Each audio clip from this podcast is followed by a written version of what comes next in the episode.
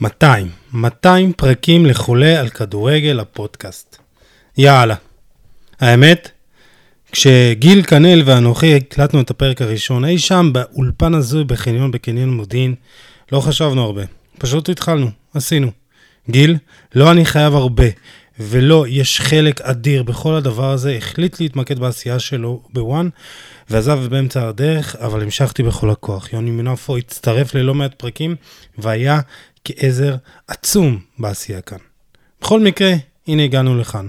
פרק 200 של חולה על כדורגל הפודקאסט, מטורף. חשבתי וחשבתי מה מתאים למאורע כזה מכובד, והאמת, שהיה לי רעיון אחד או שניים, אבל זה לא יצא לפועל בסופו של דבר, והחלטתי להקליט לראשונה בתולדות הפודקאסט פרק לבד. רק אני, רק יוסי עדני והמיקרופון.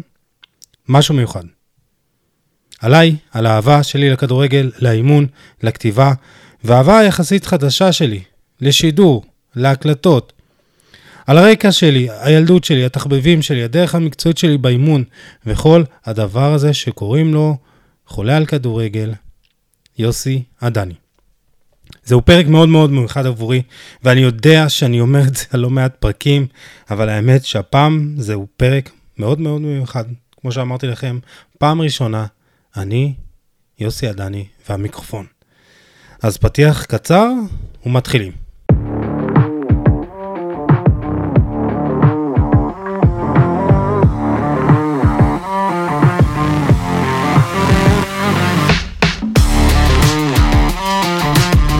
אז ברוכים הבאים לפרק ה-200 של חולה על כדורגל הפודקאסט. אני יוסי עדני, והיום אני רוצה לדבר על עצמי. והאמת, האמת היא שזה לא משהו שאני רגיל לעשות. אני לא אוהב לדבר על עצמי. אני גם באמת לא אדם שמתרברב יותר מדי בעשייה שלו. טוב, אולי אני מאלה שמגזימים וצריכים קצת יותר לפרגן לעצמם. בכל מקרה, יש לי מספר דברים לומר אליכם, המאזינים והמאזינות של חולה על כדורגל הפודקאסט, ואני רוצה שתדעו אותם. אני מקווה שאחרי הפרק הזה תוכלו להכיר אותי קצת יותר טוב. כשתסיימו להאזין לפרק, אני גם אשמח לדעת מה אתם חושבים, מה דעתכם. אם יש לכם שאלות נוספות, אני כאן. בכל מקרה, אני מקווה שהפרק הזה יעשה לכם קצת סדר, להבין קצת יותר עליי, על חולה על כדורגל, על הפודקאסט, על העשייה שלי, על האימון. בכל מקרה, אני רוצה להגיד לכם, לפני שנתחיל, אני רוצה לומר לכם תודה שאתם איתי. זה ממש לא מובן מאליו. הוא מחמיא לי בכל פעם מחדש לראות את המספרים, לקרוא את הפידבקים ולראות שיש לא מעט אנשים שמתחפרים לפודקאסט, לתוכן שעולה בפלטפורמות השונות של חולה על כדורגל, אז תודה רבה לכל אחת ואחד מכם. זה ממש ממש ממש לא מובן מאליו. אז uh, יש הרבה תוכן באוויר, אם זה כאן בפודקאסט, באתר של חולה על כדורגל, בשאר הפלטפורמות, ואני בטוח שכל אחד ואחת מכם יכולים למצוא את התוכן שיתאים לו. אני ממש אשמח גם שתדרגו את חולה על כדורגל הפודקאסט בספוטיפיי, אפל ובכל אפליקציה אחרת שאתם מאזינים ואפשר לדרג בה. זה עושה לי טוב. אני מקבל מדי פעם אה, עדכונים מצ'ארטייבל, שזה באמת אה, אינדקס של פודקאסטים. אה, של אפל, ואני מקבל איזה התראות על אה, דירוג של חמישה כוכבים, אבל הביקורת עצמה, במילים, זה משהו מטורף. אז אה, קודם כל, תודה על זה, תודה על כל מי שדירג וכל מי שרשם פידבק, אז אתם מוזמנים גם לעשות את זה, אם לא עשיתם את זה עדיין. וחולה על כדורגל נמצא בפייסבוק, בטלגרם, בטיק טוק, טוויטר, אינסטגרם, וואטסאפ, פודקאסט כמובן, וגם אתר מגזין יפה ומושקע, כדורגל.קום. אתם מוזמנים לעקוב בכל פלטפורמה שמתאימה לכם, ואם זה כולן, אז מה טוב. טוב, אז אחרי הפתיח, ההודעות והכול, אה, אני חושב שנתחיל. אז מאיפה מתחילים בכלל? אני חושב שכדאי להתחיל מאיפה באה האהבה שלי לכדורגל בכלל. ובכן, אבא שלי היה שוטר, הוא בחיים לא לדאוג, הכל בסדר, ברוך השם, הוא רק בפנסיה כמה שנים טובות, אבל uh, בצעירותו הוא היה גם שופט כדורגל, והוא היה לוקח אותי למשחקים שהוא שפט בהם. אני זוכר כמה זיכרונות מעוממים כאלה מאימקה, זיכרונו לברכה, ואלה היו משחקי נוער למיטב זיכרוני. ואבא הפסיק לשפוט בערך כשהגיע לשפוט משחקי נוער, כי הוא סלד מהקומבינות באיגוד השופטים, ו... שדברים שאולי לא משתנים בכדורגל הישראלי. אבל uh, בכל מקרה, uh, הוא פרש משיפוט, אבל האהבה לכדורגל כנראה נשארה בתוכי. אני באמת זוכר איזה פלשבקים קצרים כאלה, מ- מישיבה לדשא, מכניסה מאיזה כניסה צידית למגרש, ואני חושב שבאמת שם, שם התחילה האהבה. Uh, שם, במגרש אימקה המיתולוגי, בכלל התחיל הסיפור הזה של חולה על כדורגל. הייתי מהילדים הפעילים האלה בבית הספר, תמיד שיחקתי כדורגל, גם אחרי שעות בית הספר. והיום זה שונה, היום ילדים, לא מעט בכדורגל, משחקים בכלל במסך, בסמארטפון, בסוני, פחות בחוץ. ואני גדלתי שנות ה-80, תחילת שנות ה-90, ואומנם זה היה התפר הזה, אה, ילידי שנות ה-80, אני נולדתי ב-84, זה התפר הזה בין אה, עידן טרום המחשבים לבין עידן המחשבים בואכה סמארטפונים. אה, וגם באיזה שלב איפשהו שם התמכרתי ל Football Manager, ו... אבל תמיד אהבתי כדורגל, תמיד אהבתי, בין אם זה לשחק בחיים האמיתיים, בחצר בית הספר, בשכונה, אה, או בין אם זה בעולם המדומיין הזה של מנג'ר. לא הייתי מהכוכבים הגדולים האלה שדופקים גולים אחרי דריבל כל המגרש, אלה הכוכבים האלה שתמיד בוחרים אותם ראשונים, אבל הייתי בהחלט מאלה שהיה להם מושג. אה, מה, מהבולטים, לא, לא, לא יכלו להתעלם ממני בכל מקרה. וכדורגל תמיד היה שם, הוא כאן תמיד, והוא יהיה גם אה, חלק ממני עד סוף חיי. הלאה, לאהבה שלי לכתיבה. סיפרתי כבר בסדרת התורים שלי לאתר של חולה על כדורגל, יומנה של חולה על כדורגל, אתם מוזמנים uh, לקרוא. Uh, כתבתי כמה טורים, אבל uh, כתבתי שם, באחד הטורים, שהבעה בעל פה אף פעם באמת לא הייתה הצד החזק שלי. אבל את האמת, כן גיליתי את זה בענק בשנתיים וחצי האחרונות, ותמיד העדפתי לכתוב. תמיד העדפתי לכתוב את מה שיש לי להגיד. והפעם הראשונה שזה בא לידי ביטוי, לפחות כפי איך שאני זוכר את זה, זה שכתבתי לעיתון בית ספר, ו- ואני לא זוכר אם זה היה בכיתה ז' או לא, לפני, אחרי, אבל אני זוכר שם את הכתבה הראשונה שלי. ואם זה היה בחטיבה, זה היה בתיכון המסורתי בירושלים, ועיתון בית ספר יצא פעם באף פעם, אבל בכל מקרה, ש... כשזה יצא, התנדבתי לכתוב, היו צריכים שני אנשים לכתוב על ירושלים.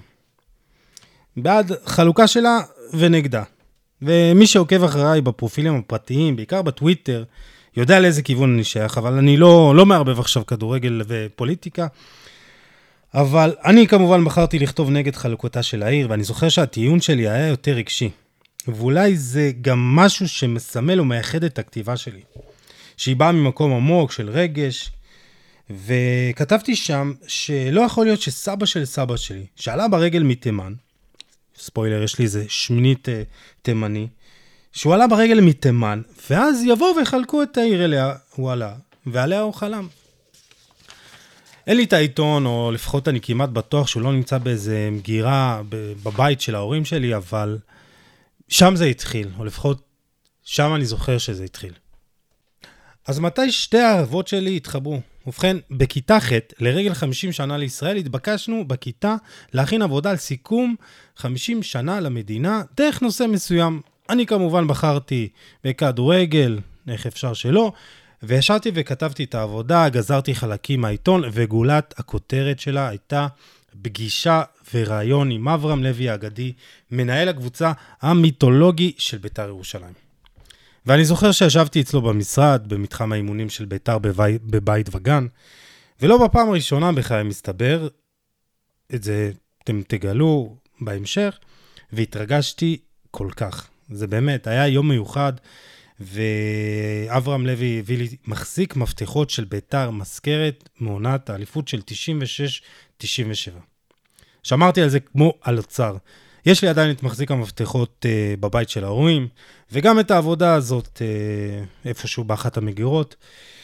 ואם אתם רוצים לדעת, uh, קיבלתי עליה בסביבות ה-85, לא איזה להיט, אבל uh, בהחלט ציון נחמד, והאמת שזה לא ממש משנה, כי הדבר הכי חשוב שקיבלתי ב... בדבר הזה, זה מחזיק המפתחות, ש... שמשחק תפקיד קריטי ומאוד חשוב בכל הדבר הזה שקוראים לו חולה על כדורגל. ואני אחזור אליו בהמשך. אז הכדורגל ממשיך לשחק חלק עיקרי ונכבד בחיי, בין כמו שאמרתי, במגרשים בבית הספר, בשכונה או במנג'ר, והכתיבה פה ושם הבליחה. ואני זוכר שכתבתי למחברת אי שם בתחילת שנות האלפיים, תקופת גד זאבי. מי שזוכר, אה, התחיל ברעש וצלצולים, ואת האמת, אה, עכשיו זה מצחיק, כי אנחנו מקליטים את זה ב... אה, בשבוע הזה של אה, תשעה באב, וההצגה הגרנדיוזית הזאת של הקבוצת הגלקטיקוס הזו של ביתר, הייתה בשבוע הזה של, אה, של תשעה באב. ואמרו אז, אסור לעשות את זה, אסור לעשות את זה, זה פשוט לא יהיה טוב, לא יהיה לזה מזל, לא זה, ופשוט החליטו בסופו של דבר לעשות את, ה, את האירוע הזה. אני זוכר שעוד הייתי שם ו, וישבתי ב, ביציע הצפוני. והייתה הצגה יפה, וכולנו יודעים איך זה הסתיים. וטוב, חזרה לכתיבה, יותר נכון, הכתיבה הזאת הייתה אחרי, התחלתי לכתוב את זה בתקופה שאח, שאחרי כל מה שקרה. אה, פוסט עידן גד זאבי, הקבוצה בבלגן, ואני כותב מה לדעתי צריך לעשות בקבוצה. ואני זוכר איזה משפט אחד כזה, איזה משהו שכתבתי ורשמתי, ניר רייכמן צריך לתפוס את אגף ימין או משהו בסגנון.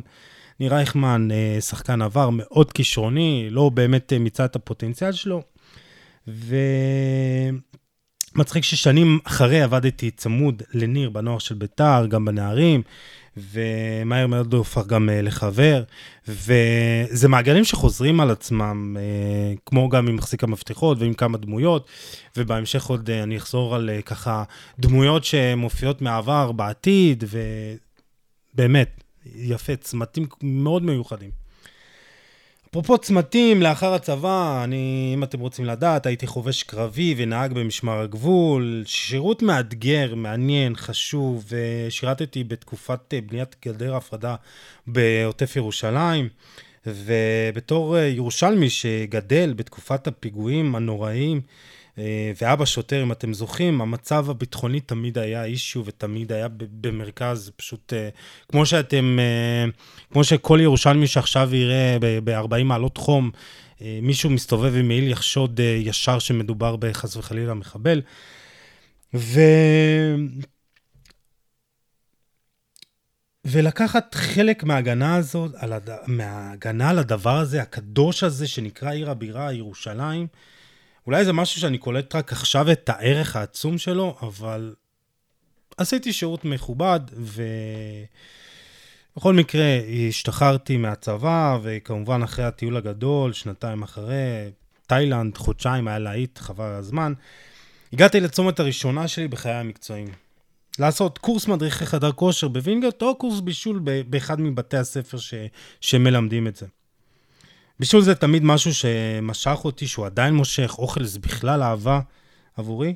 ואחרי התלבטות לא פשוטה, בחרתי בקורס מדריכים, ופה מתחילה הדרך שלי בעולם הכושר, התזונה והאימון. כשנה אחרי, פלוס מינוס, אל תתפסו אותי בתאריכים, הלכתי לעשות uh, קורס מאמני כושר לכדורגל. וסיפרתי ככה על... Uh, באחד הפרקים שלנו, ואני אספר את זה שוב, גם כתבתי את זה ביומני חולה על כדורגל, אה, כי כאן בעצם מתחיל החיבור שלי לעולם הכדורגל הישראלי. הגעתי לקורס בווינגייט, שאותו הוביל אה, וילם לאוקס, מי שלא מכיר את אה, וילם, הוא בחור הולנדי ישראלי חביב ביותר, שעבד בביתר ירושלים בתחילת שנות האלפיים. ואיתי בקורס נמצאים אחלה אנשים, ומי נמצא איתי? ז'אן טלסניקוב האגדי. אני וטלסניקוב, עוד אחד מגיבורי הילדות שלי. וכן, אם לא הבנתם את זה עד עכשיו, אני אוהד בית"ר ירושלים. לא אמרתי את זה אף פעם בצורה כל כך גלויה, פה בפודקאסט ובמיוחד בדף, ויכול להיות שחלק מ... מעוקביי לא יודע את זה, אז הנה, אם אתם רוצים לדעת, אני אוהד בית"ר ירושלים. ואף פעם לא חשפתי את זה ככה כל כך בגלוי, כי היה לי חשוב לשמור על אובייקטיביות. וכשהייתי צריך לעשות גילוי נאות, השתדלתי לעשות את זה, אבל אני אוהד בית"ר ירושלים, אה, ועדיין אני אוהד בית"ר ירושלים. בכל מקרה, טלסניקוב. ותחשבו על זה, עברנו את היום הראשון, ואני תופס טרמפ חזרה לירושלים עם fucking ז'אן טלסניקוב. שחקן ש, ש, שלפני כמה שנים עודדתי ביציאה, ראיתי בטלוויזיה ורציתי שהוא, ש, ש, שהוא יפקיע והתלהבתי מכל פעולה שלו, והנה עכשיו הוא מקפיץ אותי הביתה. ואנחנו מדברים uh, בדרך uh, חזרה על מה אני צריך לעשות uh, עם, עם הקריירה שלי בחיים המקצועיים, והוא ממליץ לי, תשמע, לך לבית וגן, תציע את עצמך, תעבוד בחינם, לא משנה מה, העיקר שתתחיל. דריסת רגל. לקחתי את העצה שלו וכבר באותו שבוע, אם אני לא טועה, נחתתי שוב בבית וגן. נכנסתי למנהל המקצועי של מחלקת הנוער דאז, ניסים בכר, והצעתי את שירותיי. ניסים באמת הסכים בשמחה, ו... למרות שתמיד אוהבים uh, סטאג'רים, גם עכשיו, 16 שנה אחרי, ניסים באמת ראה שאני בסך הכל בחור סביר ולא מזיק, ואמר לי, תשמע, לך תהיה צמוד למאמן כושר של המחלקה, ירון, וכמעט חצי שנה הייתי בסטאז' ללא שכר, שלושה, ארבעה אימונים בשבוע, ואז משחק בשבת. אבל, אבל הייתה שם באמת חוויה גדולה, ואני לא זוכר מי היה מאמנים שם באותו זמן. אה, ז'אן, אם אני לא טועה, היה עוזר מאמן של גיא אזורי בנוער ובבוגרים, אני לא זוכר, אבל ספגתי שם גם הרבה דברים טובים. ובסיום אותה עונה כבר הצטרפתי כמאמן מן המניין, מאמן כושר שני למחלקה. המשכורת לא הייתה להיט, אבל סוף סוף קיבלתי כסף. וזאת תחילת דרכי בכדורגל הישראלי. נשארתי שם במשך כמעט עשור, בית וגן הפך לבית השני שלי, ארבעה-חמישה אימונים בשבוע ועוד משחק בשבת. לא קל, לא קל גם כשיש זוגיות, שבתות הן לא שבתות. והאמת, אם עכשיו אני עושה הגבלה לאבא שלי כשוטר, אני, זה גם אותו דבר. ימי העצמאות שלנו אף פעם לא היו ימי עצמאות רגילים, תמיד uh, הוא עבד. אבל אתם יודעים, uh, בסוף עושים ויתורים בחיים, ואני, זה הוויתורים שלי. אני חולה על כדורגל, לא, אבל בוא נגיד ככה, שכרגע את השבתות אני דואג לשמור קרוב למשפחה. ואם אנחנו חוזרים לתקופה הזאת, זה אזור 2008 כזה, 2007, סליחה, זו הייתה תקופה מאתגרת, אה, עידן פוסט-גיא דמק. והשנה הראשונה שבה התחלתי לקבל שכר הייתה 2008. בנובמבר אז היו את הבחירות לעיריית ירושלים, וגיא דמק קיבל אה, שלושה אחוזים, אם אני לא טועה, בבחירות, ניר ברקת נבחר, ופה באמת התחילה הקריסה. עוד קריסה, לא הראשונה וגם לא האחרונה של המועדון. והשקעה פחתה, המנהלים המקצועיים אה, התחלפו, חוסר הוודאות שלט, והייתי שם שמונה, תשע שנים, ובזמנים מאוד קשים, בזמנים שהכל היה לחיות מהיד לפה שם. וחוסר הוודאות הזה באמת שלט. בכל קיץ, בכל סוף עונה, פשוט לא ידעת מה קורה איתך, אף אחד לא ידע. אמרו, יהיה בסדר כזה. וזה הפריע לי, וזה באמת גם מה שהוביל לעזיבה שלי בסופו של דבר אה, ב-2016. ו...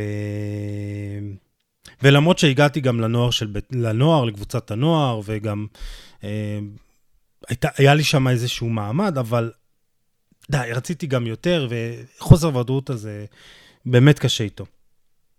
וזו תקופת איציק אורנפן כיושב ראש, אה, שיותר, שיותר מאוחר גם אה, התארח אצלנו בפרק 10, אה, וגם הייתי סוג של אה, קולגה שלו ברדיו, עוד נגיע לזה. ואפילו גם בשנה האחרונה אימנתי את הבן שלו, עמית, שהוא גם שוער. וזו הייתה באמת תקופה קשה, אבל השנים האחרונות שהייתי שם, זו תקופת אלי טביב, זה היה קשה עוד יותר, ובאמת חוסר הוודאות זה משהו שהיה לי קשה להיות איתו, ופשוט החלטתי אה, לעזוב, ובעצם גם כל מי שנמצא בכדורגל הישראלי יגיד לכם את זה. ודאות וכדורגל ישראלי בהחלט זה לא דברים שהולכים ביחד. ובקיץ 2016 קיבלתי הצעה שאני פשוט לא יכול לסרב אליה.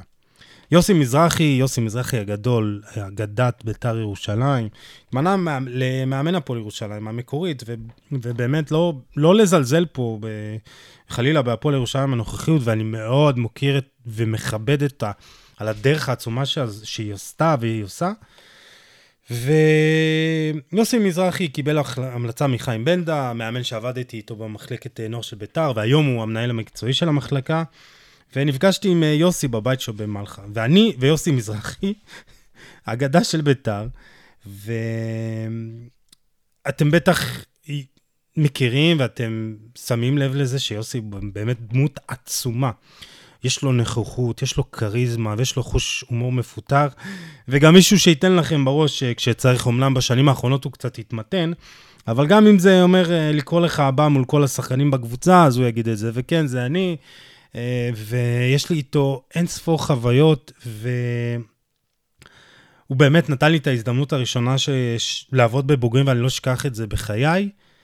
וקודם כל מאוד מאוד מצחיק איתו, יש לו המון סיפורים, זה לא נגמר, אתם יכולים לשבת איתו, וזה פשוט, אני באמת שואף שיוסי יתארח אצלי בפרק מתישהו, ואני מקווה מאוד שזה יקרה בקרוב. זו הייתה עונה מאתגרת מאוד, אה, עונת 2016-2017, ואני לא אכנס לכל הפרטים, לכל המקרים, אבל הפועל באמת הייתה שם בתחילת הקריסה הסופית שלה. ובאמת כל פעם היה איזה משבר חדש. ו... ו... אבל למרות כל הצרות, עשינו תחילת עונה נהדרת, היינו מקום חמישי, ליגה לאומית, אה, להזכירכם. והכדורגל היה טוב, וגם הגענו לרבע גמר גביע הטוטו, אבל באיזה שלב ליוסי נגמרת הסבלנות מכל הצרות, והוא קיבל הצעה מאוד מאוד טובה ממחלקת הנוער של אשדוד, להיות שם מנהל מקצועי, חוזה טוב, יציב, בעיקר מקום וסביבה שקטה, מה שלא היה לנו בהפועל ירושלים, ופה באמת מתחילה הקריסה של הקבוצה.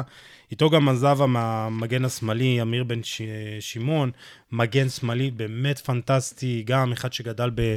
באשדוד ומשם הם מכירים, ושם התחילה הקריסה. וגם יוסי וגם uh, אמיר הותירו חלל עצום. אוהד בוזגלו הגיע לאמן את הקבוצה, הוא היה שם, עשה סריה יפה בנס ציונה, שגם פה עוד אה, אני אחזור לשם כמובן, ואוהד אה, עידן טרום הבוזגלוס והסכמי הזוגיות מגיע, ולמרות שלי אישית היה חיבור טוב איתו ועם העוזר שלו, שי חג'אג', אה, לא הצלחנו לרומם את הקבוצה, ואוהד ושי עזבו. דוד מרטן, מאמן צעיר וחסר ניסיון אז כ- כמאמן ראשי, הגיע, ואז הוא היה עוזר של אה, גיא לוזון, ו... אבל בחור שכבר מההתחלה אה, ראו מאמן מאוד יסודי, ובאמת, איתו עשינו גם עבודה מאוד יפה, אבל, אבל זה לא באמת הספיק, וירדנו במחזור האחרון. שכשכבר הכל היה תלוי בנו וניצחון היה מוביל אותנו לפלייאוף הירידה, אה, זה היה, אם אני לא טועה, נגד אה, נצרת עילית, שעכשיו נוף הגליל, ו- וזה מצחיק כי זו הפעם הראשונה שהייתי מורחק במשחק האחרון. משחק לפני כן היינו נגד מכבי שעריים ב- ושיחקנו בנס ציונה, אפרופו נס ציונה, והרחיק אותי זיו אדלר, אם אני לא טועה, הייתי ממש עצבני, אבל לא משנה, ראיתי את משחק הירידה מהיציע, זה לא שגם אני הייתי בספסל, זה היה עוזר, אבל טדי, ירידת ליגה, זה לא דבר קל, ובטח לא בעונת הבכורה של, שלך בבוגרים. אבל uh, למזלי, העונה השנייה בליגה הזו הסתיימה עם עליית ליגה סנסציונית, עם הסקציה נס ציונה. Uh, עוד נחזור לשם. בכל מקרה, קצת ליגה א' צפון עונה אחרי, וגם מעבר לחודשיים מרתקים עם אוהד בכפר קאזם בליגה א' דרום. Uh, כפר קאזם, מקום שאני יכול להגיד עליו באמת הרבה דברים טובים, עם פוטנציאל לא רע בכלל. מקווה בשבילם שהם יעשו את ההחלטות הנכונות.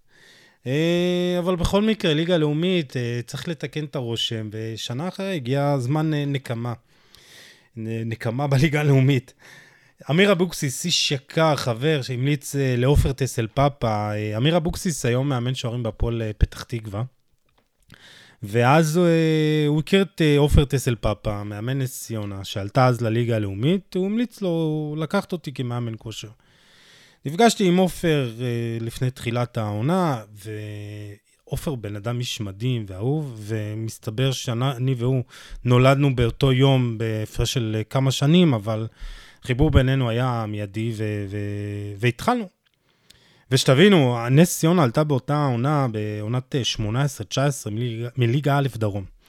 והיא הייתה אחת הקבוצות בליגה הלאומית עם התקציב הנמוך, הכי נמוך בליגה. ואף אחד לא ציפה שהעונה הזאת תסתיים עם עלייה היסטורית לליגת העל. והיינו עם זר אחד uh, ששיחק uh, קצת מהמשחקים, נטו ישראלים מוכשרים. וזו עונה שאקח אותה לכל חיי, חוויות שאנצור בלב עד לעד.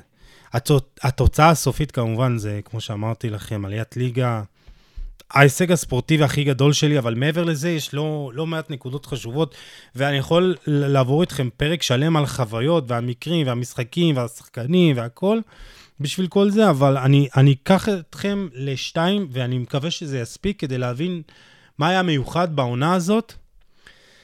והראשונה במחנה אימונים בבולגריה. ותמיד אומרים שמחנה אימונים זה כיף, ויש כיבוש וזה והכול, אבל באמת היה שם כיף, והיה חיבור, והיה טוב. בסופו של דבר, זו המטרה של מחנה אימונים, לעשות טוב, חיבור מקצועי, חברתי עם השחקנים, עם הצוות המקצועי, עם ההנהלה. והיה ממש מוצלח, טוב, היה חיבור, היה מצחיק, בילינו, עבדנו קשה, אבל היה שם אירוע שמסמן מבחינתי את, ה, את מה שהיה מיוחד עם הצוות המקצועי.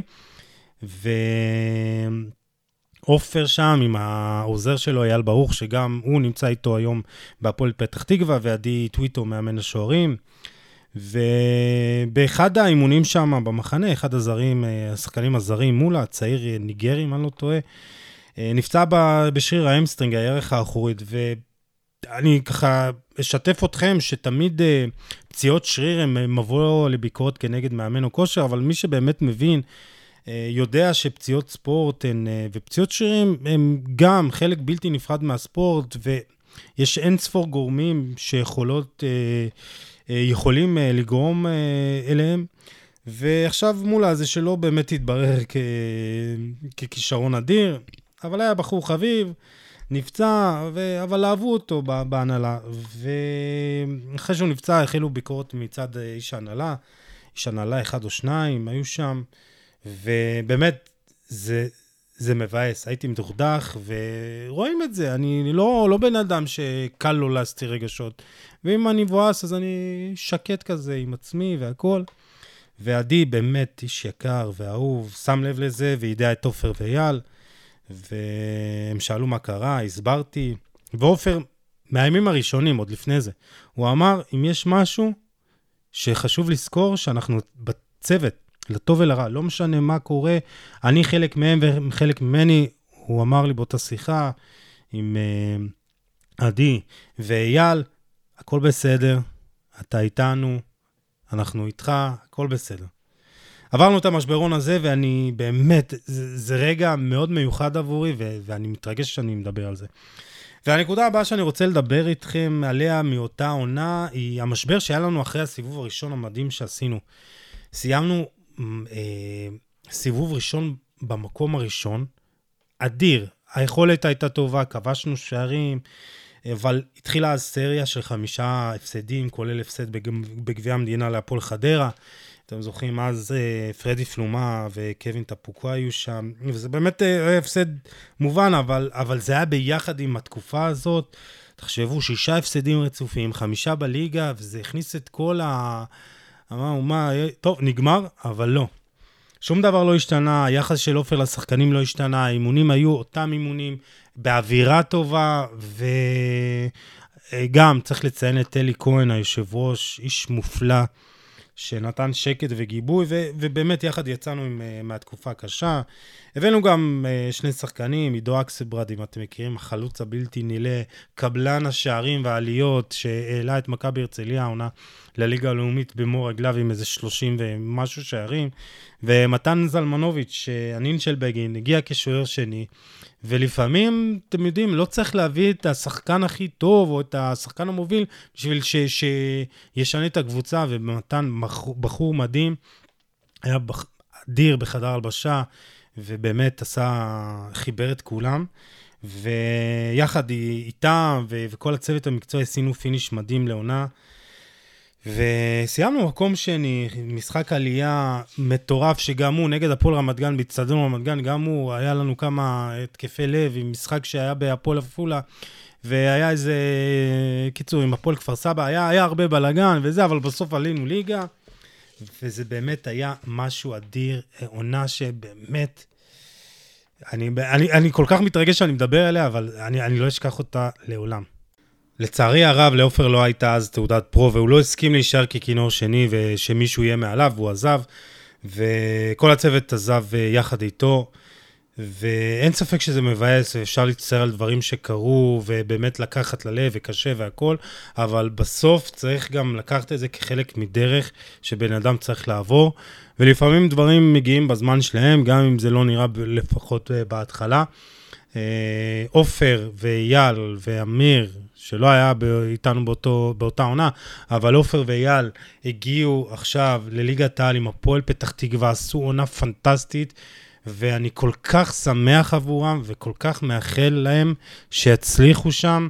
נמצא שם גם רז שטיין, שעשה איתנו את העונה המדהימה. ועידן שמש שלא המשיך עם הקבוצה, עשה איתם את עונת העלייה, היה איתנו בחצי עונה ב, בליגה הלאומית, ובאמת אה, היה שם, אה, הייתה, הם עשו עונה פנטסטית, ואני כל כך שמח לעופר ואייל שהם עושים את החוויה הזאת שוב. בסיום אותה עונה, אה, עופר עזב להפועל ראשון לציון, הציע לי לבוא איתו, זה לא הסתדר. התנאים לא היו מפליגים, אז החלטתי לא להמשיך. והתחנה הבאה שלי הייתה ביתר נורדיה, וזה עונת 19-20, אתם זוכרים, הקורונה הארורה הזאת אה, גרמה לכל העולם אה, להיעצר באמצע, אבל הגעתי בערך באמצע העונה ההיא, ליאור זאדה היום אה, עוזר מאמן של זיו ארי בפועל ירושלים ומאמן הנוער, הציע לי לבוא לשם.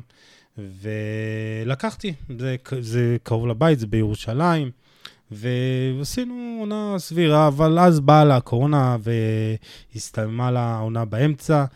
עונה לאחר מכן חזרתי רק באמצע העונה, וזה השלב הזה שהחלטתי שאני לא הולך על כל הצעה, ואם לא אה, נותנים לי את התנאים ש, שאני רוצה, אני לא הולך ב, בכל הכוח. אה, גם הצעות מחוץ לעיר בכלל לא, אבל גם פה בירושלים ההזדמנויות לא גדולות, אבל גם שם אני מעדיף לחכות. ו... אבל בכל מקרה, באמצע העונה חזרתי לביתר נורדיה, והייתה עונה סבירה, ושם גם אה, עונה מאוד קשה שבסוף הצלחנו אה, להינצל מירידה לליגה ב' במשחקי הפלייאוף. אבל uh, בסיום אותה עונה החלטתי שבאמת אני לא הולך על כל הצעה, וזו ההפסקה הכי גדולה שלי בעצם בקבוצות כדורגל. במשך שנה וקצת ויתרתי על הצעות שלא היו מספיק טובות, כמו שאמרתי לכם, אני ירושלמי, האופציות כאן דלות, וגם לא משתלם כל כך לצאת מחוץ לעיר בשביל uh, שכר לא הולם. אז ויתרתי, אבל נחזור לשם בהמשך. ליאור זאדה באותה תקופה, כשהוא הביא אותי, אה, גם הביא אותי לאפקס, שזה בעצם אה, מרכז אימונים למצוינות, לשחקני כדורגל, ושם, אה, יחד עם אבירם ברוכיאן, התחלנו לאמן, ואני אומר, אני ואבירם ברוכיאן מאמנים יחד, אני קולגה שלו, וזה פשוט מדהים שזה עוד שחקן ש... פשוט ראיתי אותו בטלוויזיה, הייתי במשחק הגדול ההוא נגד אה, ויסלה קרקוב שם, ואנחנו קולגות. בקיצור, זה היה דבר, זה, זה, זה עדיין, עדיין שם. אה, ליאור זאדה עזב, ומתן פרנסיס שם, ואני כבר אה, כמעט שלוש שנים באפקס, וזה פשוט מדהים, זה פלטפורמה נהדרת לאימון, ושחקנים שמגיעים מהמחלקות השונות בירושלים, מגיעים ומתאמנים אצלנו, וזה באמת אה, תחושה נהדרת לעזור להם.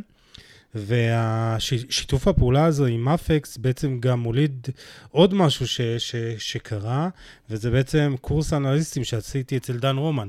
אפקס אה, שייך לאריק בנאדו ושי אבואב, מי שלא אמורים להכיר אותו, אבל השם מוכר, בעלה של רותם אבוהב הקומיקאית, ואבא של עומר אבוהב. שחקן הפועל רמת גן, שכבר מתחילים לשמוע עליו. בכל מקרה, שיתוף הפעולה הזה אה, באפקס אה, הוביל אותי לשיתוף פעולה עם אה, מכללת סקילס, מכלל, מכללה שסגרה את שעריה, אבל בעיקרון הוציאה קורסים של אנליסטים, גם של כדורסל, אבל בעיקר של כדורגל.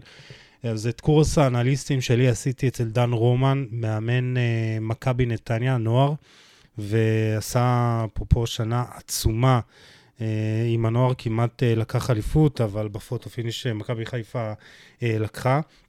גאון כדורגל, ואחד המאמנים שאני בטוח שעוד נשמע עליהם, גם בבוגרים, ייקח עוד שנה, שנתיים, אבל הוא יגיע לשם. ואת הקורס אנליסטים עשיתי שם, ובאמת נהניתי, ולמרות שבאתי עם ידע מסוים מהדף, אז זה, זה נתן לי כלים, ודרך הקורס הגעתי לסטאז' אה, אצל הפועל ירושלים, הפועל ירושלים החדשה, פועל קטמון. אז היא הייתה גם הפועל קטמון. והצבתי לקבוצת הנוער אה, כאנליסט בסטאז' חצי שנה, יחד עם אה, המאמן, דיוויד ברמן. גם חבר יקר ואהוב, ואני באמת מאמין שהוא הולך להיות אחד המאמנים שתשמעו עליהם פה בישראל. העונה, הוא מתחיל בהפועל מרמורק, אה, עונת בוגרים ראשונה שלו, כתוצאה משיתוף הפעולה בין המועדונים. ועם אה, דיוויד באמת הכרתי גם חבר יקר, אבל איש מקצוע נהדר. פריק של פפ גוארדיולה. אם אתם uh, מאזינים לחולה על כדורגל או פודקאסט, אז אתם uh, בוודאי מבינים, uh, מכירים אותו, השתתף בכמה פרקים, גם בספיישל uh, על פפ, uh, עכשיו uh, ב... אה, באחד הפרקים האחרונים, אם אני לא טועה, אני כבר הכל מתערבב לי, אבל באמת, אה, גם כדורגל, ו- ותחפשו את הפרקים איתו, נורא כיף אה, לדבר איתו על כדורגל. ואני גם מאחל לו המון בהצלחה, העונה עם הפועל מרמורק. פרויקט מאוד מעניין, ליגה א' דרום, בכלל. ליגה א' הולכת להיות משהו מאוד מעניין עם הרפורמה שעתידה להיכנס. אז תשימו לב למה שקורה שם. ליגה מעניינת מאוד, עם הרבה קבוצות מעניינות. ואני חוזר אתכם לנס ציונה, ובעונה שם אה, התחילה גם אהבה שלי שנקראת אה, חולה על כדורגל. הדף נפתח ב-25 לדצמבר 2018, זה יום ההולדת של אה, ניתאי שלי, הבן שלי, מספר 3, אבל את האמת, כל זה נולד בזכות מחזיק מפתחות של אברהם לוי. והנה פה המעגל חוזר. ועונה קודם, באזור אפריל של אותה שנה, מאוס צור, אה, אם אתם מכירים, מאוס צור אה, בהתקפה מתפרצת, דף פייסבוק אה, גם גדול מאוד, עשה לי קידום לדף הפייסבוק שלי של האימונים האישיים, ו... היה שם, עקבתי אחריו, ובאיזה פוסט הוא שאל אם יש לי עוקבים, איזה פריט אהוב או זכור מקבוצה שהם אוהבים, או משהו בסגנון, לא זוכר בדיוק, וצילמתי את המחזיק וסיפרתי את הסיפור ב... בתגובות. וקיבלתי שם כמה לייקים בודדים, אה, באמת, בודדים, אה, חד ספרתי, אבל זה היה עבורי, וואו, וזה כאילו אה, הדליק אצלי איזה משהו, אתם מכירים את זה שיש איזה מקרה כזה שאתם עושים, ופתאום אתם, הוא פותח לכם את העיניים כזה? אז משהו בלייקים הזה העלה לי, הצית בי את האש הזה ש, שהייתה חבויה כל השנים, והתחלתי לכתוב בפרופיל הפרטי שלי בפייסבוק על uh, כדורגל. זה היה קצת ערן זהבי, ערן זהבי בסין, קצת כדורגל ישראלי, אבל המפנה באמת היה בפוסט אה, על המשחק האחרון של אנדרס אינייסטה בברצלונה, והיה את הקטע הזה שהוא יושב עם דמעות בעיניים ליד מאמן השוערים של הקבוצה, והלב יצא אליו, והרגשתי צורך לכתוב עליו, והיה איזה פרופיל פיקטיבי של איזה מישהו בשם משה כהן, והוא כתב איזה משהו שהייתי חייב לענות לו. בכל מקרה, אותו טור הביא אותי לקבוצת עושים ספורט uh, בפייסבוק, ושם כתבתי על כל מה שעניין מכדורגל ישראלי ועד לסיקורי NBA, הייתי קם מוקדם בבוקר, אבל uh, באיזה שלב כבר הבנתי שאני חייב לעשות משהו. משלי, והרגשתי שאני יכול יותר, ורציתי משהו עצמאי, משהו של יוסי עדני. אבל פתחתי את זה, אה, פתחתי את הדף חולה על כדורגל, אבל זה היה בהתחלה רק כדורגל, חולה על כדורגל, לא יוסי עדני. ורציתי שיכירו את חולה על כדורגל בזכות התכנים שעולים שם, מבלי לדעת מי עומד מאחורי העמוד, אה, וזה לקח כמה חודשים אבל באמת, כמה חודשים טובים עד שכבר נחשפתי וחשפתי את השם שלי, וזו הייתה באותה עונה של... אה, שהייתי בנס ציונה. והדף צבר תאוצה, ובאמת לאט לאט עוקבים ארבע וחצי שנים אחרי, אה, אוטוטו 25 אלף עוקבים בפייסבוק, אבל לא רק שם, יש קבוצת פייסבוק עם 7,000 אה, עוקבים וערוץ טלגרם משגשג, שהשבוע גם אה, עבר את אה, רף ה-7,000 נרשמים. יש טוויטר, טוויק, טיק טוק שפתחתי וקצת כזה זנחתי, אבל אני גם שם, וואטסאפ ואינסטגרם, וכמובן אתר מגזין מושקע, כדורגל.com, שזה איזה baby שמתפתח לי איתו בשנה וקצת האחרונים, לאט לאט, אבל בשבועות האחרונים קיבל קיק מטורף. יחד איתי נמצא שם איתי ארד, השותף שלי באתר, ומי שאחראי על אה, כל הצד הטכני והלוגיסטי. ואיתי זה מצחיק, כי אותו הכרתי באחד הפרקים שעשינו על האולטרסים. ואיתי קורא לעצמו בטוויטר אולטרס אה, אשכנז, אם אתם מכירים, מוזמנים לעקוב, הוא פריק של אולטרסים בכל העולם, היה במשחקים הכי הזויים. ואיכשהו הגעתי אליו בטוויטר, ורציתי לעשות אה, פרק אולטרסים, ו... ואז עשיתי איתו עם יעקב ליפשיץ ואדם להב מפוסבל, אם אתם מכירים, ומשם שמרתי עם, אה, עם כולם קשר כמובן, אבל איתי ככה, הוא מפתח אתרים, ואיכשהו זה, זה רעיון שהתגלגל עם הזמן. ואני חייב להגיד שהוא עושה עבודה אדירה, האתר נראה פשוט מדהים, ובכל פעם משתדרג בצורה מטורפת. ואם אתם לא מאמינים לי, פשוט תיכנסו, אני גם אעשה עכשיו פרסומת, תיכנסו, כדורגל.com, לכו, כנסו ותבקרו, תעקבו אה, אה, על התכנים שעולים שם. יש את אה, הדר לבני ותומר עתיר האורחים, ועוד המון כותבים מאוד מוכשרים, שאני בטוח שעוד תשמעו עליהם. בין אם זה לא פה, אז באתרים אחרים ובערוצי תקשורת אחרים. יש שם המון תכנים, יש שם אה, עמוד שלם של פיתוח כדורגלן, שזה פרקים שעשיתי לאחרונה, אה, שאני מארח מומחים מהכדורגל הישראלי כדי שמפתחים אותו, ו- והרצאות של ניר לוין והרצאה שלי, אתם מוזמנים להיכנס ולהתרשם. זה מאוד חשוב לי שאתם שם. אז זה הכתיבה, באמת אין ספור מילים, פוסטים עלו בכל מקום, ובאמת הפסקתי כבר לספור, ואני בטוח שזה עוד ימשיך וימשיך. ואני באמת לא יודע לאן זה, זה ילך עוד מכאן, אבל כתיבה היא חלק חשוב בי. יתרה מכך, אני באמת לפני כמה שבועות קיבלתי ידיעה בהפתעה, משהו שאני עדיין באמת לא יכול לספר, וזה להיות uh, חלק מפרויקט מטורף שנמצאים בו דמויות בכירות מאוד בכדורגל הישראלי. וזה אולי ההישג הגדול ביותר שלי בכתיבה בחולה על כדורגל. אני מתרגש בטירוף, ובאמת, בעוד אה, מספר שבועות, לא יודע כמה זמן בדיוק, זה ייחשף. ואני מקווה שמאוד ת, תתלהבו מזה, לפחות כמוני. ו... אבל אני חייב לפרוק משהו, ובאמת פה זה משהו שאני, אה, חשוב לי להגיד. כל הדבר הזה שנקרא חולה על כדורגל גובה ממני לא מעט. וזה עיסוק של 24-7, כמעט חמש שנים. והשקעתי בזה אין ספור שעות. אתם לא יודעים כמה. והשקעתי, ואני משקיע, ואני עוד אשקיע. ואם הייתי עובד בעבודה רגילה של ממש, של אנשים רגילים, הייתי גם מרוויח הרבה יותר, וזה זה, זה לא תחביב, זה הרבה יותר מזה. ויש לא מעט רגעי שבר, כאילו, שאני אומר לעצמי, למה אני צריך את זה בכלל? כאילו, אם אין תמורה לזה כספית הולמת, אז כאילו, למה אני עושה את זה? ו... אל תדאגו, אני לא חושב להפסיק, ממש לא, אבל ש, שתדעו, זה באמת לא קל להיות, להיות מחויב למשהו שהתמורה העיקרית שלו זה מילים טובות, וחלילה, אני, באמת שאני לא מזלזל בזה, ממש לא. אני מעריך כל לייק, כל תגובה, כל האזנה לפודקאסט. אתם לא יודעים כמה זה, זה, זה חשוב עבורי, ואני לפעמים צובט את עצמי, כאילו, fuck it, מה, אנשים באמת אה, מאזינים, לוחצים, לוחצים play על מה שיש לי להגיד. אבל זה עדיין לא קל, זה, לא, זה באמת לא קל, כי זה גובה מחיר לא פשוט גם בבית. אבל הקורונה והשנים האחרונות באמת אה, גרמו לי להבין משהו, וזה ההבנה הזאת שאני רוצה לעשות רק כדורגל מכל זווית, אם זה לכתוב, לדבר או לאמן, אני רוצה רק כדורגל, אבל אני רוצה גם להתפרנס מזה בכבוד.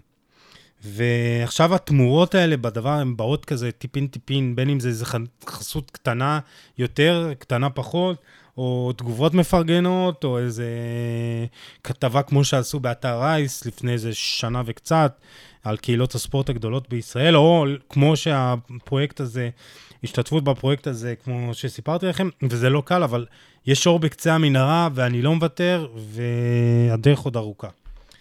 בכל מקרה, אתם גם מאזינים לפודקאסט, לפרק 200 של חולה על כדורגל הפודקאסט, ולמרות שיש כאן איזה עוד 20 ומשהו פרקים של יורוטריפ, אה, לא רציתי להכליל אותם בספירה של אה, חולה על כדורגל הפודקאסט, כי בסופו של דבר, יורוטריפ זה פרויקט אדיר, מבורך, אה, כנראה הוא לא יימשך, וקיבלנו המון פידבקים טובים.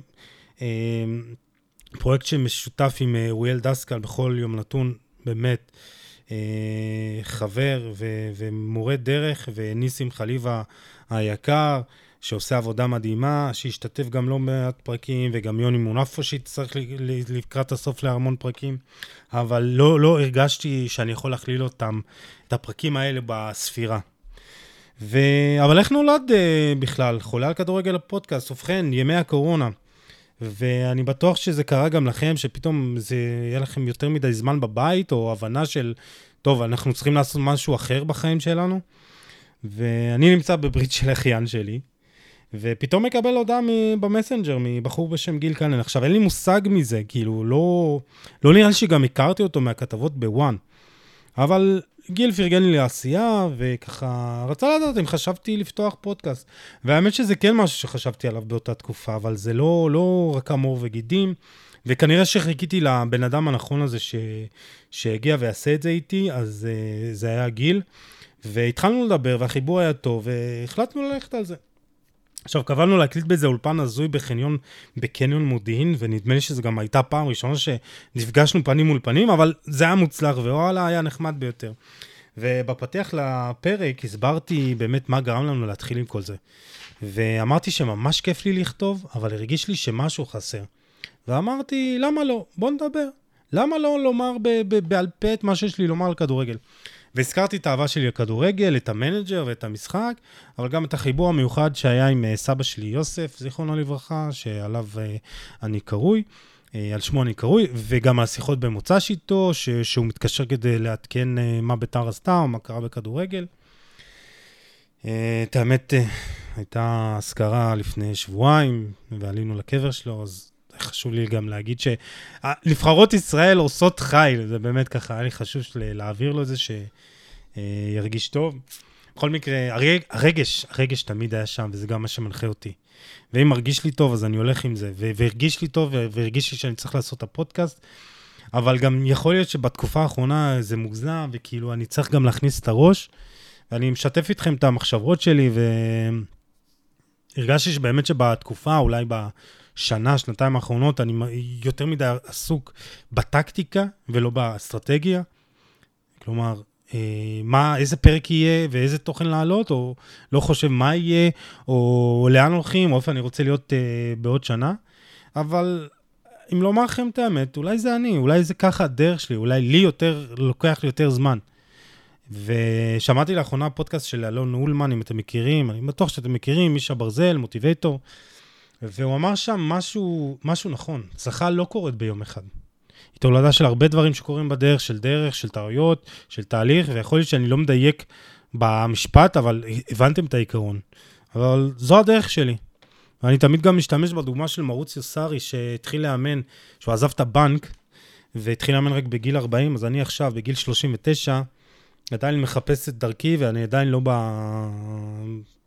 איפה שאני רוצה להיות, אבל זה בסדר, יש לי עוד תקווה.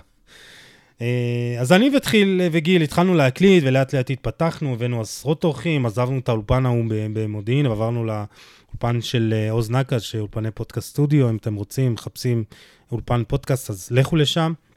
והבאנו באמת עשרות אורחים. אוהדים רגילים, במחאות, אה, שחקנים, מנהלים מקצועיים, מאמנים, מומחים, עשינו פרקים עדכניים על סיקור משחק ספציפי, על ליגות, אה, העברות ופרקים על זמניים ומדריכים ובאמת ספיישלים על קבוצות, הכל. אבל אין ספק שהפרק הכי מוצלח שעשינו, וזה שעשה הכי הרבה רעש, היה פרק עם ולדימיר ריביץ', פרק 101. רצינו שהוא יהיה 100, אבל זה לא הסתדר. לא משנה.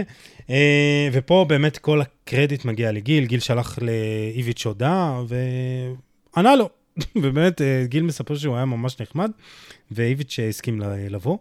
ואיביץ' היה אז אה, בפגרה, הוא היה בין קבוצות, גר ביוון, ועכשיו התאריך שיום לפני שהקלטנו היה ראשון באפריל. וכשהעלינו בטוויטר טיזר, זה היה מצחיק, כי כולנו חשבו שאנחנו עובדים עליהם. והיו, היה לנו איזה כמה רגעי פחד וחרדה, ש, שאולי יהיה איזה קטע, שזה לא יחמוק לנו איכשהו, ואז נצא באמת מצחיקים. אבל uh, בסוף זה יצא, והקלטנו את הפרק, וגם אחרי שהקלטנו את הפרק, זה, אנשים לא האמינו, כאילו חשבנו שהבאנו איזה אה, חקיין או משהו. אבל הוצאנו את הפרק, ויום אחרי זה היה יום שבת, עשו לנו פולו-אפ בספורט 5 ובוואלה, ומשהו באמת מטורף. פעם ראשונה שזה קרה לנו, והפידבקים היו מעולים. המספרי האזונות שברו כל שיא, ועדיין, עדיין זה הפרק הכי מאוזן שלנו. וכמובן שזה היה פרק באנגלית. לא פרק ראשון שעשינו באנגלית, עשינו פרק עם uh, מריוס פישר, זה אנליסט uh, גרמני לקראת uh, גמר ליגת אלופות, על תומאס טוחל. פרק שממש מגניב, אם אתם רוצים, רוצו לראות, להאזין. והיו גם תגובות של כמה אנשים שירדו על האנגלית שלי, ואנגלית משובשת, אבל לא משנה, תמיד יהיו לאנשים אה, מה להגיד. וזה גם חלק, גם היום אה, הייתי צריך אה, לקרוא תגובות של, של, של אנשים, לא יודע אם קנאים, אבל כנראה שהם אנשים שהם... זו הדרך שלהם להביע את חוסר ההסכמה שלהם, אני מקבל את זה. לא מקבל את זה באהבה, כי בכל זאת זה לא נעים. ו... בכל מקרה, אה, אם אמרנו ספורט 5 וזה, אז גם כניסה לספורט 5 ו ONE, אה, לעולם פודקאסטים איפשהו לפני כשנה, פתאום גילו את הפודקאסטים. ולמרות שזה באמת אה, נגס לנו בהאזנות, חולה על כדורגל, הפודקאסט עדיין נמצא ב top 10, ולפעמים גם ב top 5 של פודקאסטי הספורט בישראל, וזה מטורף, זה מטורף. אנחנו, אני לא גוף תקשורת מטורף, אה, אין לי פה תקציבי פרסום ושיווק, ועדיין זה שם, אז זו גאווה עצומה.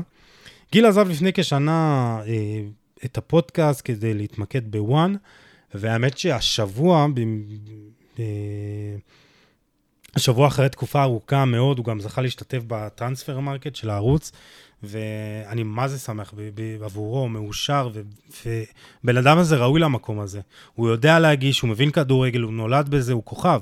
אני באמת אוהב אותו על מלא ומפרגן לו. אה, גיל עזב, אבל אה, יוני מונפו באמת נתן כתף, בשנה, ובשנה האחרונה השתתף בעשרות אה, פרקים נראה לי, והיה חלק מהפאנל, ויוני, אפשר לומר עליו הרבה דברים, אבל בעיקר שהבן אדם הזה יודע הכל, באמת. יש לו הבנה מקצועית אדירה, גם טקטית, גם טכנית, גם כלכלית, וזה מדהים אותי כמה ידע יש לו. ו-200, 200 פרקים, אני עדיין באמת לא מבין את זה. ו-200 פרקים של חולה על כדורגל הפודקאסט, אה, כמה כפולים, זה פשוט מטורף. ובאמת לא ציפיתי לזה, ואני עדיין גם לא יודע להם מצפות, אבל אני זורם, אבל גם רוצה לנתב את הזרימה שלי למקום שאני שואף אליו, ולהגדיר גם את המקום הזה. ולפני שמגיע לעתיד ולשאלות הגולשים, יש עוד דרך, אה, אבן דרך מאוד חשובה עבורי, וזה הגעה לרדיו ירושלים. בקיץ שעבר פניתי יחד עם אה, מעוז צור למאיה חסון, מי שלא מכיר, מאיה חסון, שדרנית אה, תוכנית הספורט של רדיו ירושלים, הייתה גם ב... בחדשות הספורט, בערוץ הספורט לפני כמה שנים, והצענו לעשות איזה שת"פ עם הרדיו והדפים שלנו, אבל זה לא יצא לפועל. אה, אבל מאיה הציעה הציע שברדיו אה, יש תכנון להחזיר את תוכנית הספורט היומית, ומחפשים עוד מגיש אחד או שניים. ו... ואז היא אמרה לי, זה מעניין אותך? אז אני, ברור שאמרתי כן, אבל כאילו, תחשבו על זה, רדיו, מה פתאום? וזה זמן טוב לספר לכם, וגם על זה סיפרתי באמונה של חולה על כדורגל. בגיל שלוש בערך הייתי צריך ללכת לריפוי בדיבור. גמגמתי. אבא לקח אותי להדסה, אה, הר הצופים, לא, עין כרם, סליחה, לטיפולים, והייתי גם בגן מיוחד, ו, ובסוף איכשהו למדתי לדבר. בוא נגיד ככה שגם עכשיו בגיל 90 בואכה 40, יש לי פה ושם טיקים, אבל המצב אה, טוב בהרבה. בכל מקרה, באתי ל- לרדיו ירושלים עם ניסיון מסוים של כמעט שנתיים בפודקאסט, אבל זה רדיו, זה כבר עולם אחר, וגם אמרו לי. גם מאיה, גם אה, בן טרייביץ' העורך, וגם אה, גדי המנכ"ל, וזה באמת שידור חי, אין מקום אה, לטעויות. ושתדעו, אתם יודעים כמה טעויות, גם עכשיו בפרק הזה, היו פה ושם אה, תיקונים, ויהיו, כי עדיין לא סיימנו. אני מקווה שלא יהיו, כן? אבל תמיד. וברדיו אסור לטעות, וברדיו הביאו לי את זה מההתחלה, אפס מקום לטעויות. והייתי צריך לעבור חניכה, קצת השתפשפות על יבש, וגם איזה פעם אה, להשתתף בפאנל יחד עם מאיה חסון ומישל דיין, וזו הייתה פעם ראשונה שלי בלייב, והאמת, שנייה, אולי נגיע לזה. טוב, אולי עכשיו.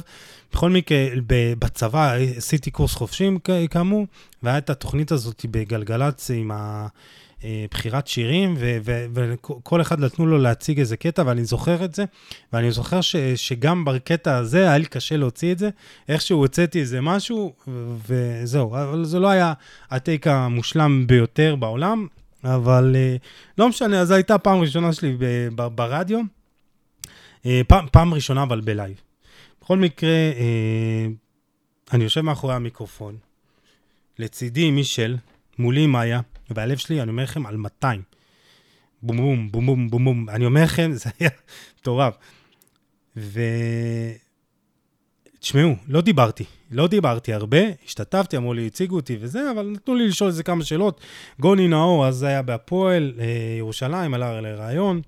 הצלחתי לשאול אותו איזה שאלה אחת או שניים, ובסוף, את האמת, עבר בשלום. לא קרה כלום, לא הייתה איזה פשלה רצינית, והשידור עבר בסדר.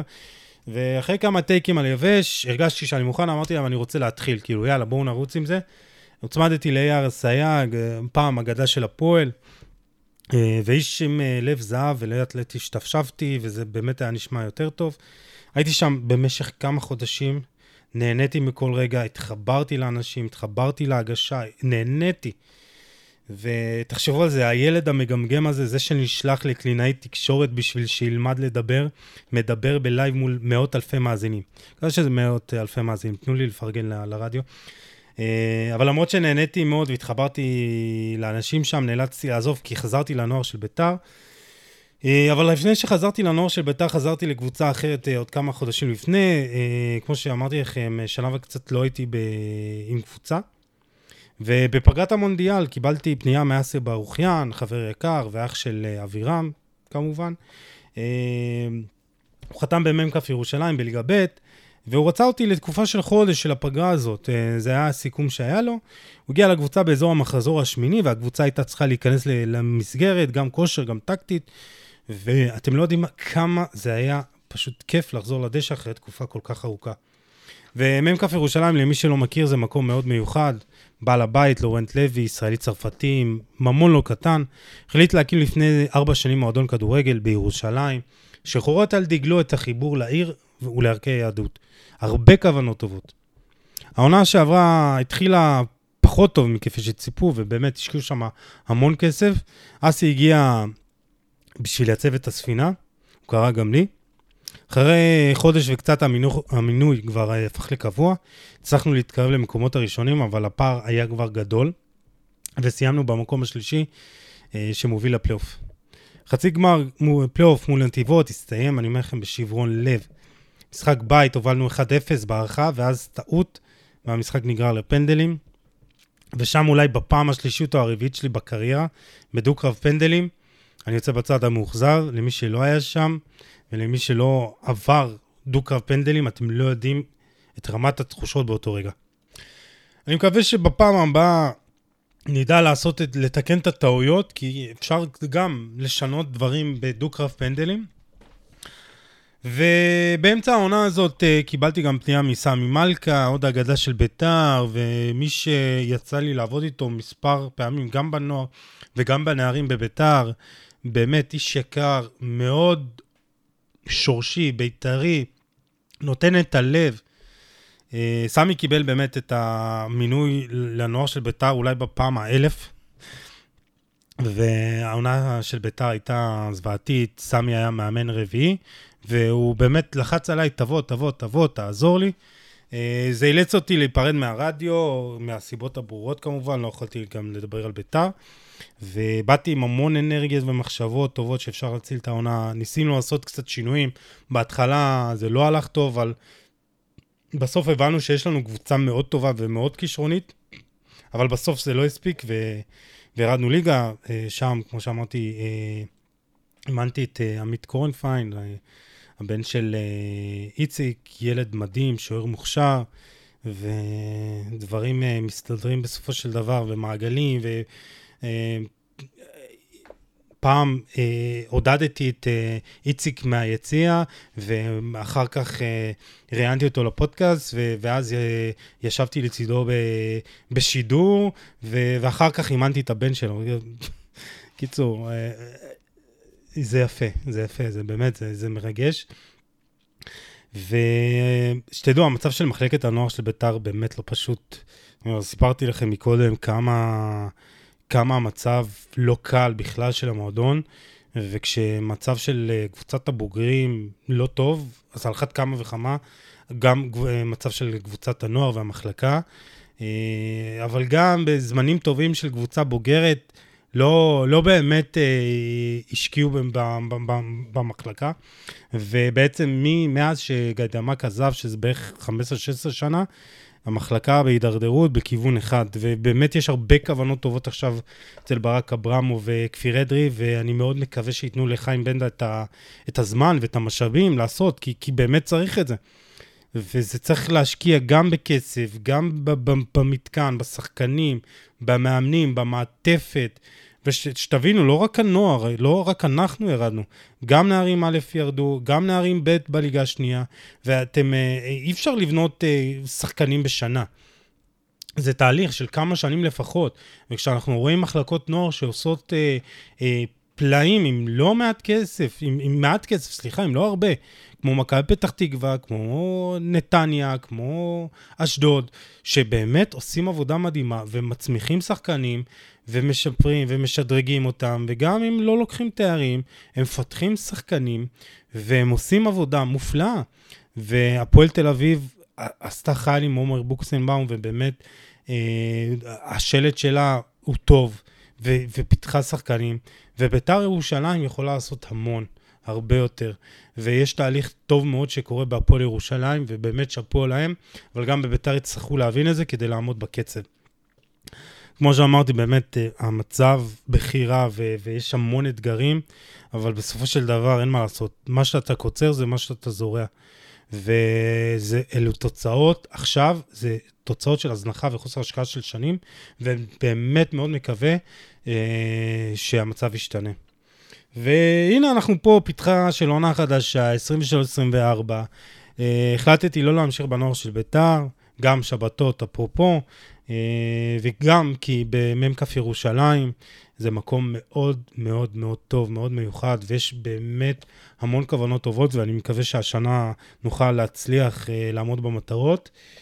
זה לא יהיה קל, כי יש תחרות לא, לא קטנה, אבל עם עבודה קשה, בחירת שחקנים נכונה, וקצת מזל, אני באמת מאמין. בכל מקרה, נראה לי שדי סיכמתי את הנקודות המרכזיות בקריירה שלי, מקצועית, אישית. יש uh, עוד לא מעט צמתים ואנשים בדרך שהם חלק ממנה, אנשים טובים, חברים טובים, ואני בטוח שיהיו עוד כאלה בעתיד, אבל נראה לי שזה העיקר. ואני מרגיש כמו איזה טקס סיום של שחייה בתואר, אבל גם חייב להודות לאשתי היקרה והאהובה, הערבית, שסובלת מזה שנים שאני חולה על כדורגל. זה לא קל, ואני יודע שאני גם מגזים, אבל הסבלנות שלה ראויה לציון, ומאחורי כל גבר מצליח עומדת אישה תומכת, אז גם פה במקרה זה נכון, גם הפוך כמובן, אה, אבל הרבה הרבה הרבה מזה זה גם בזכותה, אז תודה לך. ואני אתפנה גם לכמה שאלות עוקבים ששאלו במיוחד לפרק הזה. אה, קודם כל, מנדי, אני מקווה שעניתי על מה שרצית לדעת, ואם לא, דבר איתי, בסדר? אה, עוקב בשם דוד בטלגרם שאל על שחקני ההגנה העתידיים של אירופה. אה, אז קודם כל, אה, מי אני חושב ש, שיוביל? אז קודם כל, יוסקו גוורדיאול, קרוב מאוד לחתימה במנצ'סטר סיטי כמובן, זה ה-here we go של פבריציו, אמור להיסגר בימים הקרובים. אה, בלם רגל שמאל, בן 21, אם אני לא טועה, ואל תתפסו אותי ככה פה בזה, 100 מיליון אה, אירו, אה, שחקן ההגנה היקר בהיסטוריה, מוביל כדור נהדר, מתקל טוב, חזק, אה, יש לו מהירות טובה, ולמרות שהכאב ראש אה, שקיבל ממסי, אה, הוא, הוא, הוא התפתח, יש לו תקרת זכות מאוד גבוהה, ולא סתם פפ אה, רצה אותו, כי הוא סוגר את הפינה של הבלם אמצע שמאל הזה, שיכול להישאר וגם לעלות ולתמוך בהתקפה מדי פעם. ולמרות שנייטן אנקי עשה עונה פנטסטית, אה, יוסקו גוורדיול, הפוטנציאל שלו הרבה יותר גבוה.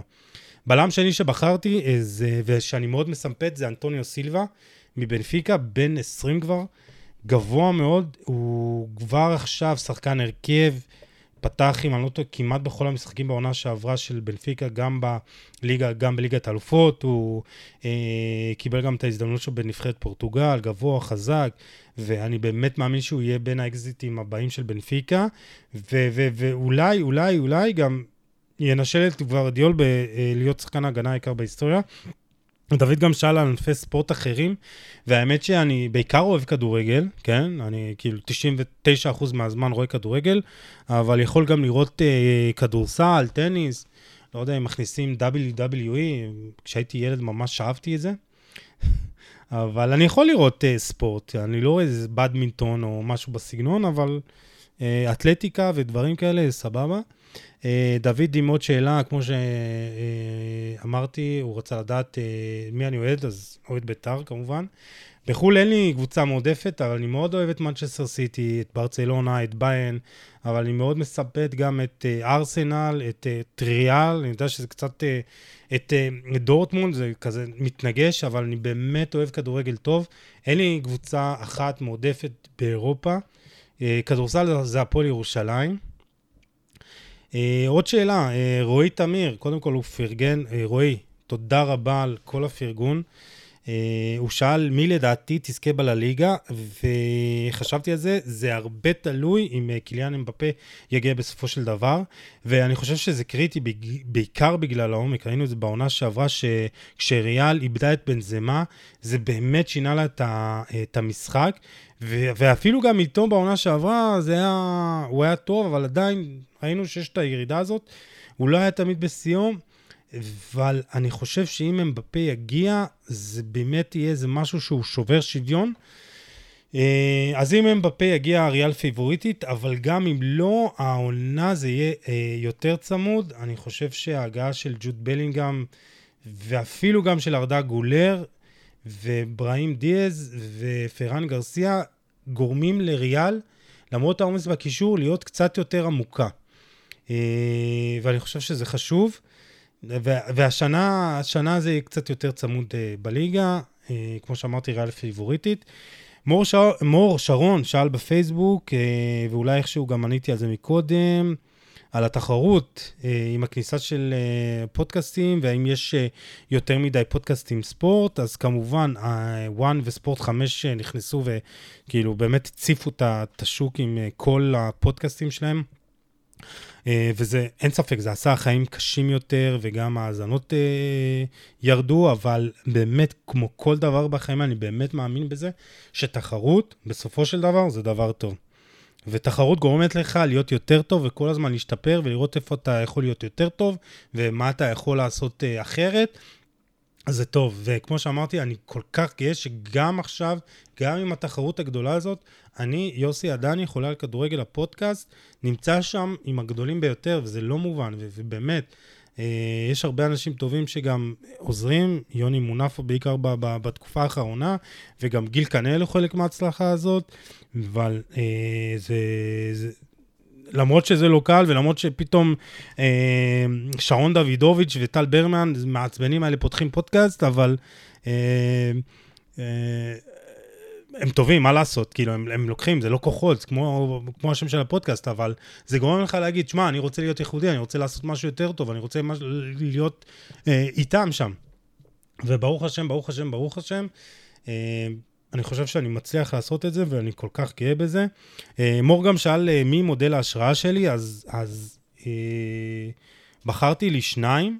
יכול להיות שיש גם יותר, אבל אה, בקטע הזה של גם הפודקאסט וגם העשייה בכדורגל, אז אה, ראשון זה אורן יוסיפוביץ', ולמרות שהוא גם מעצבן כי הוא נהיה, נהפך לאימפריה, אה, הוא מודל להשראה כי הוא, הוא הפך לאימפריה, והוא עשה משהו אדיר בשתי ידיו. הוא הפך את מה שהוא טוב בו, ומה שהוא יודע לעשות, ומה שהוא אוהב לעשות, לאומנות, והוא יצר באמת דבר עצום. אה, ולמרות שיש גם לא, מבק... לא מעט מבקרים על הפרסומות, כאילו, נו אז מה, מה אתם רוצים? בן אדם, אתם מקבלים תוכן חינם, אז ת, ת, תשרדו דקה, שתיים, שבע דקות על פרסומות, כאילו, מזה הוא מתפרנס, ומזה הוא מפרנס, לא יודע, עשרה, עשרים איש. אז כאילו, צריך לקבל את זה. האדם השני הוא רפאל קבסה, ואני חייב להגיד שאני... יצא לי להכיר אותו לעומק כשאירחנו אותו בעבר, ממליץ לכם להאזין. אה, קודם כל, הוא בן אדם מדהים, ובאמת אחלה גבר, ועשה דרך מאוד מאוד יפה. אה, הוא עשה פה מהפכה בתקשורת הספורט ובשוק האנליסטים בכדורגל הישראלי. ואפשר תמיד לבקר, ותמיד אפשר להגיד שהוא מציף את השוק, באנליסטים ובאנשי תקשורת וזה, אבל מצד שני הבן אדם פה יצר ביקוש, אה, למשל בשוק האנליסטים, והיום אין כמעט קבוצות נוער וקבוצות נערים שלא מחזיקה אנליסט, והכלים שגם אה, נותנים בקורסים. אה, הם, הם טובים, ובסופו של דבר, גם, אין מה לעשות, אף אחד לא מבטיח עבודה, הבן אדם גם צריך להיות ולדחוף את עצמו ולהיות יותר טוב והכול. אז קודם כל, אז באמת שאפו, אה, הוא עשה מהפכה, ובנוסף גם מה שהוא עשה בתקשורת הספורט, זה מה שהוא עשה עם אוהדי מכבי חיפה, כל מה שהוא עשה, רדיו מכבי, האנליסטים, זה פשוט אדיר. הבן אדם שינה לקהל שלם את התוכן שהם צורכים על הקבוצה שלהם. ואני באמת מאמין שהאוהדים של מכבי חיפה מבינים כדורגל טיפה אחרת מאוהדים אחרים, ועכשיו הוא, יש גם אנליסטים הפועל תל אביב, ומכבי תל אביב, ובאר שבע, וראיתי הפועל פתח תקווה, בקיצור, כל הכבוד, אה, קבסה. וואו, טוב. אה, קיצור, תמיד אני חופר, והנה, אני חופר עוד קצת יותר, אבל אה, חפרתי בעיקר על העבר והעתיד, ואני אסיים עם כמה מילים על העתיד, וזה באמת כמה מילים. אז בעיקרון, כמו שאמרתי לכם, אה, אני רוצה לעשות כדורגל, ורק כדורגל. ואני לא יודע איזה נפח יקבל יותר, האימון או פלטפורמה של חולה על כדורגל, אבל מה שכן אני יכול להגיד לכם, שכל עוד זה תלוי בי, אני אשאר בשניהם. אני לא יודע אם אני אאמן לעד, יכול להיות שאני אהיה בקבוצת כדורגל, מועדון כדורגל, לא יודע, התאחדות, מנהלת, בתפקידים שונים, אבל חולה על כדורגל, הפלטפורמה הזאת, האתר, פודקאסט, אה, פייסבוק, זה, זה יישאר במתכונת כזאת או אחרת, כל עוד אני אוכל. אני כמובן כן רוצה לנסות דברים חדשים, אני רוצה לעשות דברים חדשים בפלטפורמות, תכנים חדשים. כמו שאמרתי לכם, באתר יש לי המון המון המון תוכניות לאיתי, לאורחים, לכותבים, באמת יש, יש הרבה דברים טובים שאפשר אה, לעשות ואני מתכנן לעשות. והאמת, אני גם רוצה קצת לנסות לראות אם המצלמה תסבול אותי בצורה כזאת או אחרת, כמו שהמסך של הטלפון, המחשב, אה, סובל, סובלים אותי, וכמו שהמיקרופון קצת סובל אותי, אז בואו נראה אם גם המצלמה. אה, אבל בגדול, בגדול, אני רוצה שהפלטפורמה הזו של חולה על כדורגל תהיה גם מעבר לסתם תחביב גדול.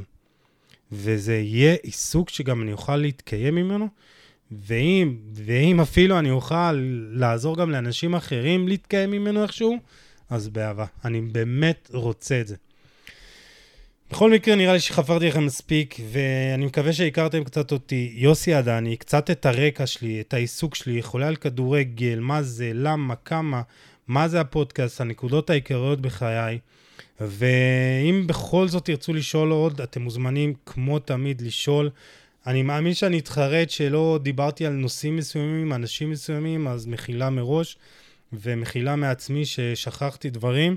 אה, אבל בכל מקרה, אם יש לכם פידבקים, הערות והצעות לשיפור, בכל דבר אני תמיד uh, שמח לשמוע, אני, אני מתייחס לזה בכובד ראש, ותמיד, תמיד אני מתייחס לזה ברצינות. ואם אתם רוצים להיות חלק בדבר הזה שנקרא חולה על כדורגל, על כל פלטפורמותיו, דברו איתי, אני אשמח לכל דבר שיעזור. לדבר הזה לגדול, יש לכם אה, הצעות, אתם רוצים להיות חלק מזה, אתם רוצים לעזור, כל דבר שיעשה את הדבר הזה יותר גדול, אני שם. אז אני אסיים עם תודה רבה, תודה ענקית לכל אחד ואחת מכם שאתם חלק מהדבר הזה שנקרא חולה על כדורגל בכל פלטפורמה, בפודקאסט, באתר, בפייסבוק. אני יוסי עדני, מודה לכם, המאזינים והמאזינות, והעוקבים והעוקבות שלא שומעים, תודה שהייתם איתי. אתם מוזמנים לשתף, לתייג ולהאיר את עיני, עיניי. ניפגש בפרק הבא עם עוד תוכן מעניין ואיכותי, תשמרו על עצמכם. יאללה, ביי.